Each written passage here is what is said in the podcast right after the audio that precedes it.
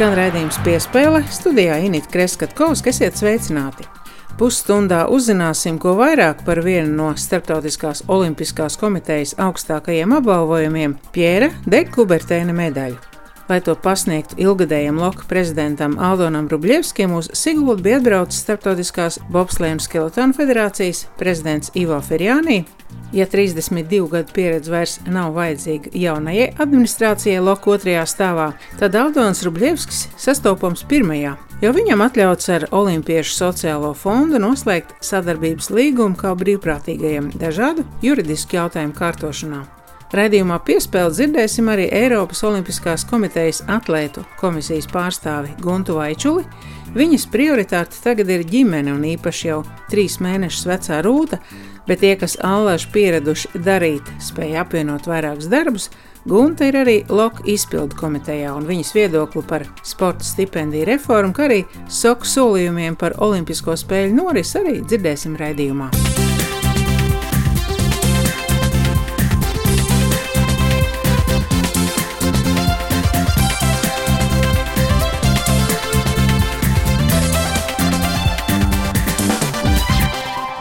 Bijušajam Latvijas Olimpiskās komitejas prezidentam Aldonam Rubļevskim, Siguldā, Soku loceklis un Startautiskās Bobslēnu skeletonu federācijas prezidents Ivo Ferjānī pasniedza moderno Olimpisko spēļu dibinātāju Pjēra de Kubertēna medaļu. To Soku ieviesa 1964. gadā, lai godinātu sportistus, bijušos atlētus un amatpersonas par izcilu ieguldījumu Olimpiskajā kustībā. Jau ziņots, ka Rubļevska 32 gadus ilgo darbu valsts prezidents Egils Levits novērtēja kā izcilu nopelnu Latvijas labā. Smiltenes treneris Jāņa Siliņa iedvesmots, Aldons savulaik pievērsās riteņbraukšanai un kļuva par Latvijas augstskolu čempionu šoseis riteņbraukšanā. Esot Latvijas riteņbraukšanas federācijas viceprezidenta un vēlāk arī prezidenta amatā, ielika pamats BMX attīstībai un sagaidīja arī triumfu, kad Māris Strombergs kļuva par divkārtēju olimpisko čempionu. Saruna ar Aldonu Rubļevski raidījuma ievadā. Protams, tajā brīdī, kad es uzzināju, ka man ir eh, piešķirta šāda eh, medaļa. Lēmumu pieņēma Startautiskās Olimpiskās komitejas izpildu komiteja oktobra sākumā un eh, atsūtīja man e-pastā paziņojumu, ka šāds lēmums ir pieņemts. Tas man bija negaidīts, bet ļoti patīkams pārsteigums. Faktiski par šīs medaļas eksistenci ļoti maz cilvēki zina, un arī es speciāli meklēju informāciju, kas tad šī medaļa ir. Tas nav Olimpiskais ordenis, kādu 11. gadā piešķīra piemēram Vilnim Baltiņam, Rogi, kad viesojās Rīgā. Tā ir Pierre Kubertēna medaļa, kur ir nodibināta. Soki nodibinājis to 1964. gadā, pasakojot vēsturē, kam tā ir piešķirta. Tad tā ir piešķirta gan izciliem olimpiešiem, kā Eugenio Monti, Bobslējas citālis 60. gadi, skrējējs Zatopeks, māksliniekiem, piemēram, Pirms manis šī medaļa eh, iepriekšējo reizi tika piešķirta jau Baha laikā, 18. gadā ķīniešu māksliniekam, kurš savulaik izveidoja Pekinas Olimpisko spēļu lelītes, kas bija tie, tie talismani. Tas tikai raksturo, cik šī teiksim, medaļa arī soka iekšienē eh, tiek eh, turēta kā tāda cildinājuma balva, var teikt, par reālu ieguldījumu Olimpiskajā kustībā. Un Tāpēc man ir ļoti liels gan gods, gan prieks, gan pagodinājums, gan arī īstenībā stimuls turpmākai rīcībai. Jo nevar jau turēt sveci zem pūra, zinot to, ko es iepriekš esmu darījis, kādas zināšanas, pieredzi un sakarus uzkrājis, ka vienkārši tagad priecāšos par medaļas saņemšanu un neko nedarīšu. Nē, tā nebūs. Un, uh, turpināšu gan savus starptautiskos olimpiskos uh, pienākumus, kuru uh, šobrīd man ir trīs starptautiskās sporta arbitrāžas arbitrs kopš 95. gada. Eiropas Olimpiskās asociācijas auditoru komisijas dalībnieks, Pasaules Olimpiskās asociācijas juridiskās komisijas dalībnieks. Pagājis jau vairāk nekā simts dienas, un tu no Latvijas Olimpiskās komitejas otrā stāves nonācis uz pirmo. Mēdz jau teikt tā, ka tie, kas um, domā savādāk, tos daudz neņem galvā. Vismaz tādas ir baumas, kas ir dzirdētas ārpusē. Es saprotu, ka tāda ļoti liela tīrīšana ir notikusi otrajā stāvā. Šobrīd daudzas federācijas ir spiestas vienkārši klanīt galvu, lai to valsts budžeta minimumu saņemtu. Sponsoru naudas ir likvidētas pēc būtības. Tas, kas bija kādreiz, nu, tie laiki laikam nekad arī neatgriezīsies. Kā tu varbūt šo laiku vērtē un kāda ir tava ieteikuma turpmākiem darbiem? Nu, galvenajiem vērtētājiem droši vien jābūt pašiem sportistiem, treneriem, federāciju pārstāvjiem, kuriem būs jādzīvo ar to sporta budžetu un to sistēmu, kas tagad tiek veidota. Kā mēs redzam, tā sistēma top lielās mokās. Sākot darbību, šī valdība nodefinē vairākus mērķus, ko tā grib realizēt sporta lauciņā. Tā skaitā gan pilnveidot, gan papildināt, gan uzlabot, gan, gan padziļināt, gan vienkāršot. Eh, bet eh, tas nemaz tik viegli neiet. Sports ir, eh, manuprāt, ļoti sarežģīta nozare, kaut vai tā daudzveidīguma dēļ. Sākotnēji nenotika diskusija par to, kas sportā ir vajadzīgs, bet notika diktāts. Jums jādara tā, jums jādara šitā, jums jādara tas, jums jādara šitas. Tik vienkārši nav. Un tiklīdz nonāk pie jau konkrēta lēmuma pieņemšanas, kad lēmumi var tieši ietekmēt vienu, otru vai trešo uh, jomu, vai sporta veidu, vai, vai nozari, tā atdurās pret uh, argumentētu pretestību. Un, ja iepriekš nav notikusi diskusija, tad iznāk, ka uh, šajā reformējumajā pusē ir argumenti, bet no otras puses ir tikai rīkojumi. Tā demokrātija nestrādā. Tāpēc es domāju, ka tas process, kas ir iesācies, viņš, viņš nebūs viegls. Viņš nav viegls jau tagad. Pēc pāris mēnešiem, kad sāksies 2021. gada budžeta apgūšana, to konkrēti uz savas ādas izjutīs gan sportisti, gan sporta speciālisti, gan sporta veidu federācijas, no kurām tiks daudz vairāk prasīts, bet taustāmo labumu diez vai viņas tādu redzēs. Uh, nu, tad jau varēs saprast, kā sporta sabiedrība uztver un vērtē šīs reformas. Mm, diemžēl šajā periodā, kad notiek šī Eh, sporta sistēmas eh, kardinālā reformēšana eh, vai vardarbīgā reformēšana, zināmā veidā varētu teikt, tā notiek arī pašvaldību reforma. Un līdz ar to sporta aizstāvība no pašvaldību puses nenotiek. Kaut gan īstenībā sports Latvijā attīstās pašvaldībās. Ne jau sporta skolas un sporta klubi ir pašvaldību vadītāju un pašvaldību vietējo politiķu prioritāte. Jautājums par um, naudas ekonomiju. Mēs pirms kāda mēneša uzsākām diskusiju par to, ka, lai varētu kaut ko iekonomēt, ir administratīvās izmaksas, var likvidēt, var daudz ko varbūt sašaurināt, no kaut kā var atteikties. Un... Samazinot izdevumus nelielā apmērā, 10, 20, 30 tūkstošu apjomā gadā, nevar iegūt ekonomiju, kas dotu uh, jūtamu efektu vai jūtamu pienesumu sporta nozarei kopumā. Tāpēc oktobrī šī reakcija no Olimpiešu sociālā fonda bija diezgan kategoriska. Pat cik tā ir valsts nauda, tad fondam ir jāpilda naudas devēja diktāts zināmā veidā un ir jāplāno līdzekļu ekonomija.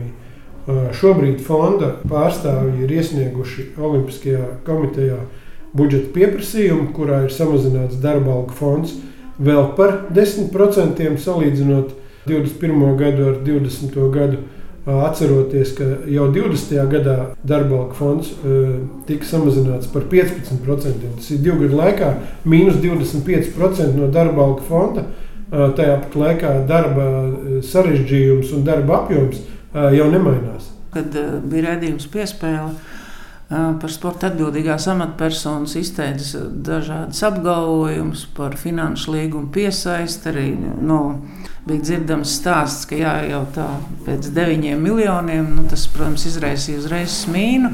Nu, jā, ir viegli ar skaļiem virsrakstiem dot solījumus vai apgalvot, ka tiks risinātas kaut kādas problēmas, kas bieži vien izklausās kā var nesolīt. Lai tikai labi izskatītos un labi, labi skanētu, ja tam nav seguma finansiāls segums daudziem solījumiem, kas tika doti šīs vasaras laikā. Un arī rudenī nav 21. gadā, un nav saskatāms arī 22. gadā. Tādēļ domāju, ka šie solījumi nodrošināt sporta veterānu veselības apdrošināšanu vai atbilstošu palielinājumu olimpisko medaļnieku pabalstiem, lai Latvijas olimpiskie medaļnieki būtu novērtēti līdzvērtīgi kā Igaunijā vai Lietuvā. Viņi tiek novērtēti bez papildus finansējuma nav iespējami.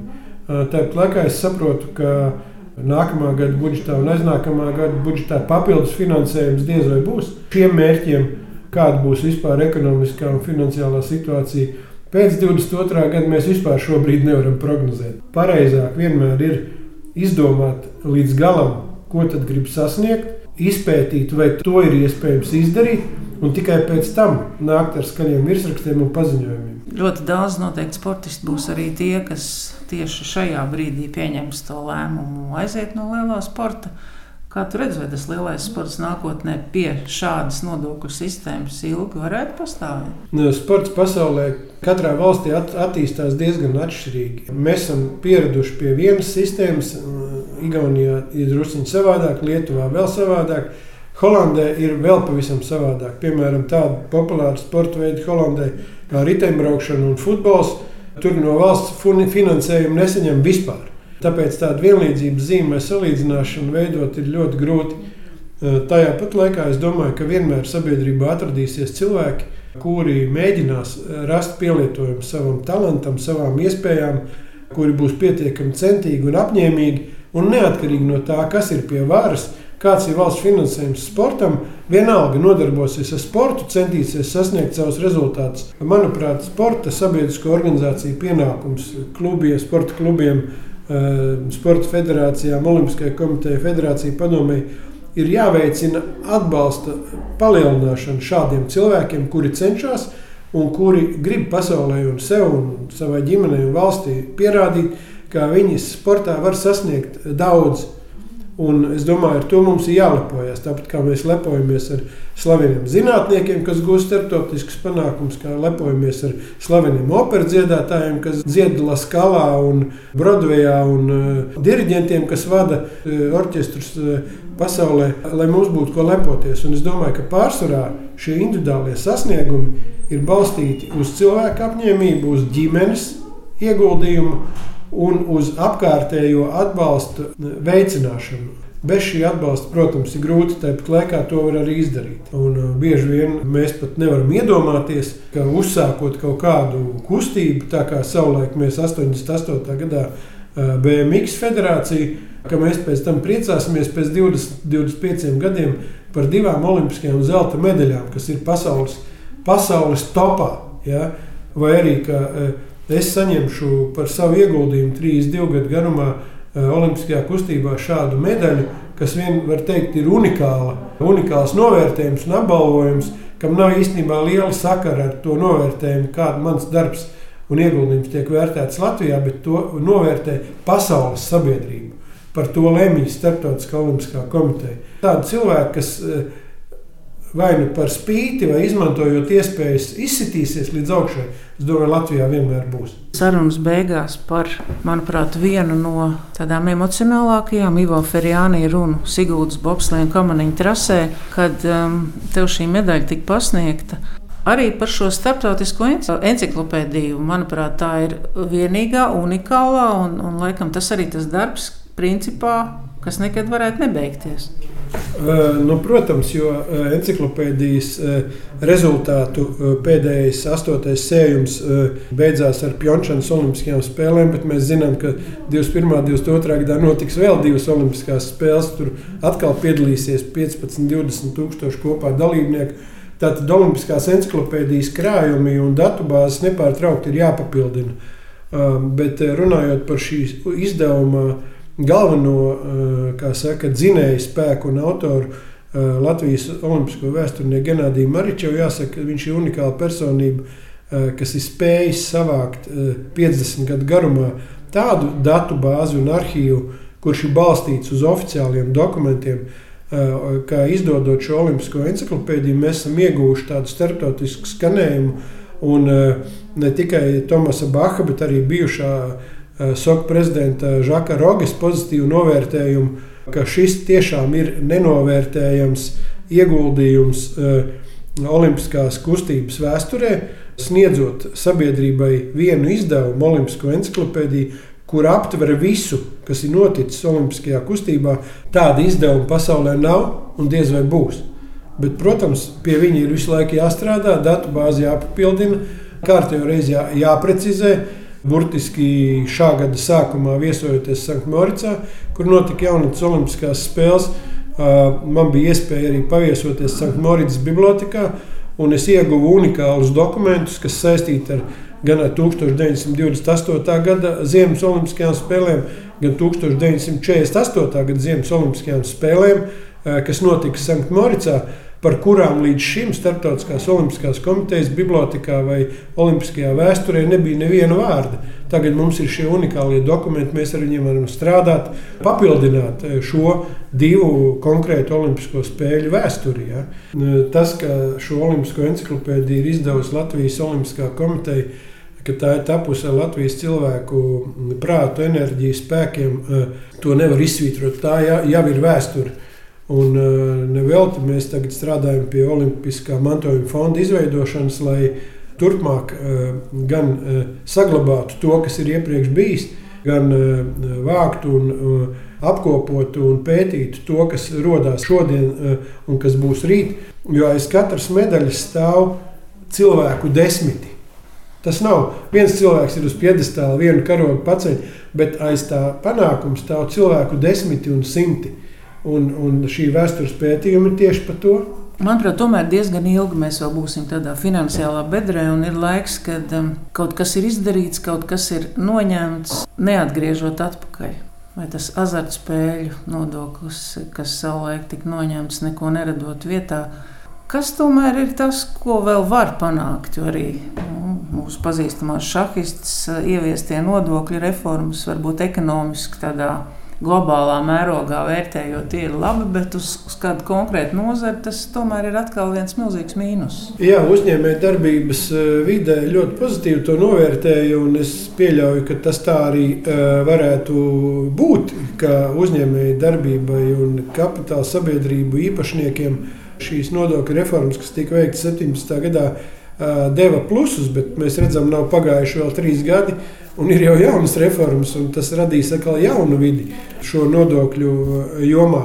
Man liekas, ka lielākā problēma, kas Latvijas sportā ir pēdējos 20 gados, es runāju, jo es ietveru to laiku, par ko tu runāji, kad Repšas valdības laikā tika atcelts šis azartspēļu un uh, nodokļa sadalījums starp kultūru un sportu, kas citās valstīs joprojām ir spēkā. Uh, ka politiskie solījumi atgriezt atņemto caur budžetu netiek pildīti. Ar dažādiem argumentiem, eh, pat nepildot likumu. Ja? Piemēram, šobrīd likumā ir ieraksts, sporta likumā ir ieraksts, augstu sasniegumu sporta budžeta finansējums nedrīkst būt mazāks par nāk, iepriekšējā finanšu gadā piešķirto finansējumu. To paredz likums. Jau, jau vairāk kā desmit gadi tāds ieraksts ir. Bet ar katru gadu šī augsta klases sasnieguma sporta finansējums šūpojas augšā, lejā, augšā, lejā. Un uz aizrādījumu uh, finanšu ministram, kāpēc jūs nepildiet likumu, ir kā tā, jums likums nepatīk. Uh, mēs izgrozīsim likumu, mums saimā balss pietiek un nebūs vairs tāda ieraksta likumā. Ja, tāda ir politiķa pieeja, ļoti virspusēja un, un tāda uh, izdegunīga. Un runājot par skaitļiem, lai vienkārši būtu skaidrība, ja 2011. gadā izglītības ministrs Žaka Rogas vizītes laikā varēja savā ziņojumā minēt, ka viena gada laikā augsts sasniegums sporta finansējums ir samazināts par 67%, tad es varu teikt, tagad ir pagājuši 9 gadi kopš 11. gada, un mēs vēl neesam atgriezušies pie 2008. gada finansējuma apjoma sportā, augsts sasniegums sportā. Dzīve ir gājusi uz priekšu, dzīves dārdzība ir augusi, Be, un rezultātus mēs it kā prasām, lai būtu, bet finansējums nav atgriezts. Mēs ļoti labi sapratām 9. un 10. gada finanšu krīzes e, situāciju, bet pēc tam taču iestājās veiksmes stāsts. Bet finanses vienalga sportam neatgriez. Un tagad nākamos divus gadus griež vēl vairāk no augsta sasnieguma sportam. E, es tur loģiku neredzu. Es vienkārši redzu, ka sports politiski ir tādas ministrijas pakļautībā, kurai sports nekad nav un nebūs prioritāte, un kur sports vienmēr tiks izmantots tikai tad, kad būs jāgreznojas medaļu posmē un, un rampu gaismā, pasniedzot balvas, finansiāli vienmēr tiks nobīdīts pēdējā vietā. Un noslēgumā varbūt kāds ir komentārs. Man bija tāds viens zvans no laukiem un teica, kas jums tur Rīgā notiek. Sportu vada cilvēks ar vidēju izglītību, un, un, un ilgadējais loka prezidents ir bezdarbnieks. Jāsaka, atklāti, es šobrīd esmu iespējams viens no kvalificētākajiem Latvijas bezdarbniekiem. Bet eh, nevar teikt, ka es jūtos ļoti slikti, jo es varu darīt to, kas man eh, patīk un kas man interesē. To, kas vada sportu šobrīd Latvijā, es negribu komentēt, tā nav mana kompetence. Tajā pat laikā droši vien, ka ne jau izglītības uh, dokuments ir tas, kurš nosaka cilvēka spējas, intelektu un varēšanu. Par to liecina tikai darbi. Šobrīd darbu nav. Paldies, Aldons Rubļevs, kas bija pie Latvijas radio mikrofona. Es vēlu priecīgus mirkļus turpmāk, un paldies par izdarīto. Paldies, lai veicās! Tie, kas skrien, tie arī ātrāk tiek pēc tam pa karjeras kāpnēm uz augšu. Tā kā ir jāskrien. Tad, kad es biju maziņš, tukumā, es metu šīs maigas, ar ko piesien cūkums.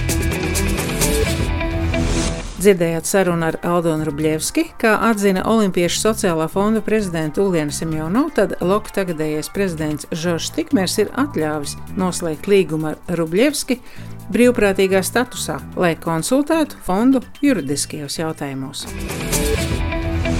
Olimpiešu sociālā fonda prezidenta Uljana Simjonovu ir darbi, kurus noteikti gribās atcerēties, pieminēt, un viens no tiem ir noslēgtais līgums ar Sarkano krustu. Varbūt nedaudz par to.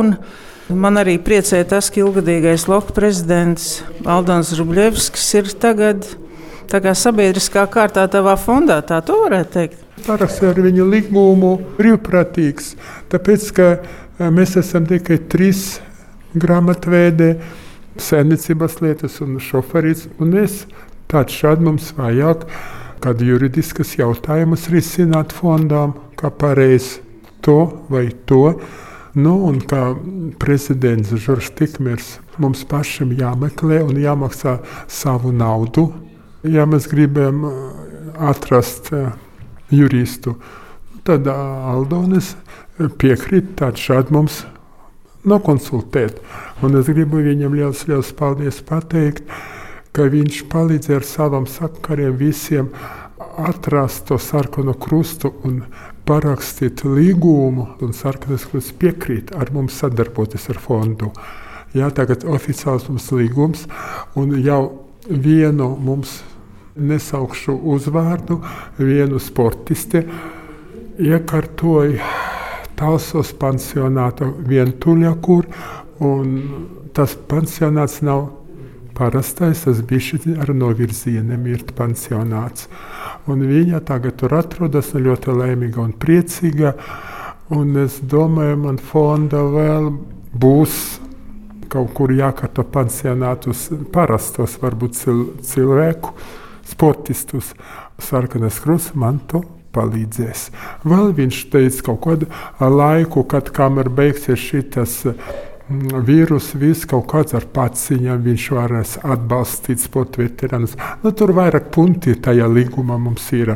Tāpēc es ļoti pateicīga Aldonim, ka mēs varam paplašināt savu fondu ar sponsoriem. Tev tieši laicīgi viss lēmums jāpieņem. Pirmā uzvara bija tad, kad es biju pionieru nometnē. Tas bija 66. gadā, es vinnēju bumbiņu mešanu.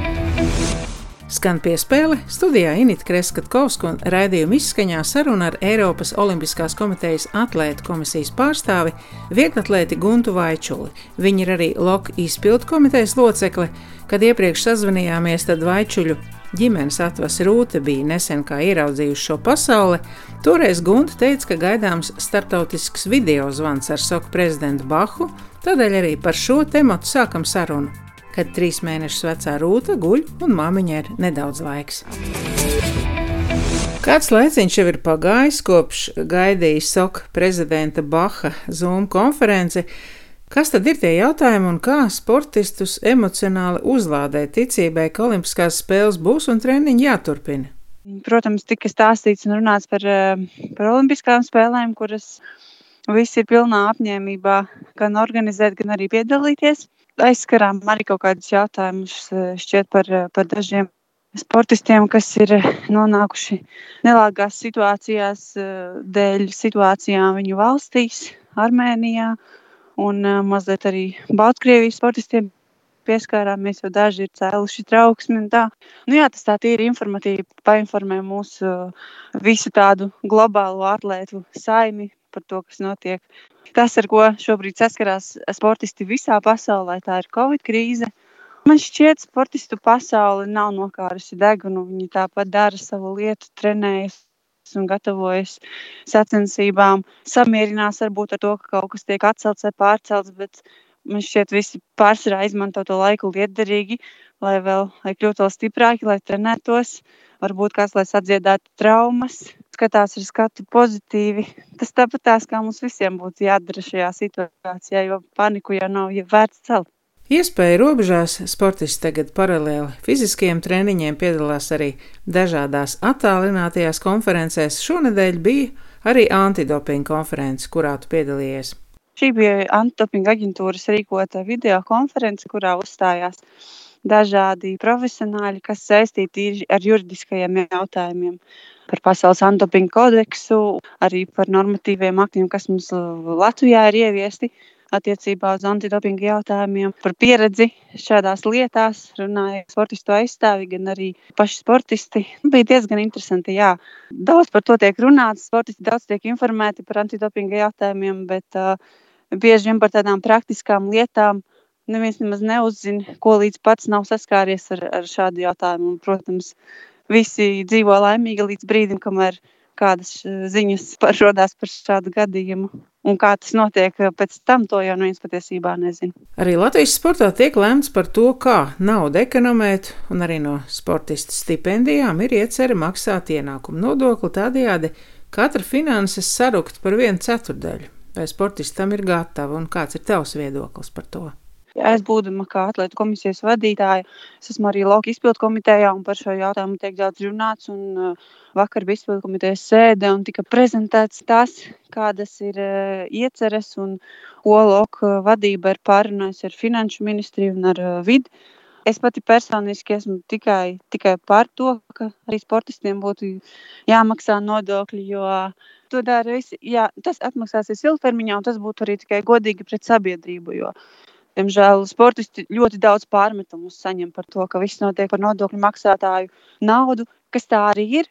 Tāpēc arī sportistiem jābūt līdzatbildīgiem un arī jāiet šajā visā sistēmā, lai nav tā, ka sportisti dzīvo kaut kādā puspelēkā zonā, kaut kāda daļa maksā, kaut kādai daļai ir darba līgumi, kaut kāda daļa saņem stipendijas, kaut, kaut kas tāds vispārīgs. Tas, ka nav vienotas sistēmas, un tādai ir jābūt, un viņai ir jābūt godīgai kā pret sportistiem, tā arī pret sabiedrību. Bet es domāju, ka tiks rasti risinājumi. Un, uh, tas nebūs tikai tā, ka sportisti saņem par ceturto daļu mazāk. Tam būs arī daudz, daudz pozitīvu pienesumu, un pārmaiņas nenotiks pēkšņi, bet ar laiku. Es ceru, ka pa šo laiku arī sporta sistēmā cerams, ka būs arī vairāk naudiņas un tie līdzekļi līdz ar to varēs tikt pielīdzināti, un sportisti nesaņems mazāk, bet tie nodokļi, kur tiks nomaksāti, tie nāks no papildus naudiņas kaut kādas. Sarunas noslēgumā par tavu emocionālo lādiņu meitai Rūtai jau trīs mēneši, un iepriekš teici, ka gribi atgriezties lielajā sportā, vai pa šo laiku ir kaut kas mainījies? Treniņus mēs sākam pakāpeniski, un, un, un tikko nu pat arī pabeidzu vienu. Un tie pagaidām ir tādā nu, diezgan vieglā formā, bet es tāpat atsāku just katru savu muskuli, un tas viss sāk šķist diezgan intensīvi. Nē, vēlme sportot noteikti nav zudusi. Un, uh, meitiņa jau ir trīs mēnešus veca un, un skatos katru dienu, kā viņa apgūst dažādas lietiņas. Patiesībā Covid ir tas, kas visvairāk ierobežo manu darbošanos un trenēšanos, bet uh, mēs izmantojam ārā apstākļus, trenējos mežā, pa taciņām un, un, un uz paklājiņa mājās ar dažādiem palīglīdzekļiem, kaut kā kuļamies. Par laimi man nav arī šobrīd paredzēta intensīva treniņa, tāpēc es varu visu padarīt mājās. Nu, jāatcer, jāatcer, kad viss ātrāk, ātrāk sakārtosies, un mēs varēsim arī kopā doties kādā treniņu nometnē, un kaut vai tepat Latvijā, kaut kur, kur varēs paskriet kādā manēžā. Tā kā jā, gaidām, gaidām patiesībā ar nepacietību, bet ar ļoti lielu atbildību tajā pašā laikā.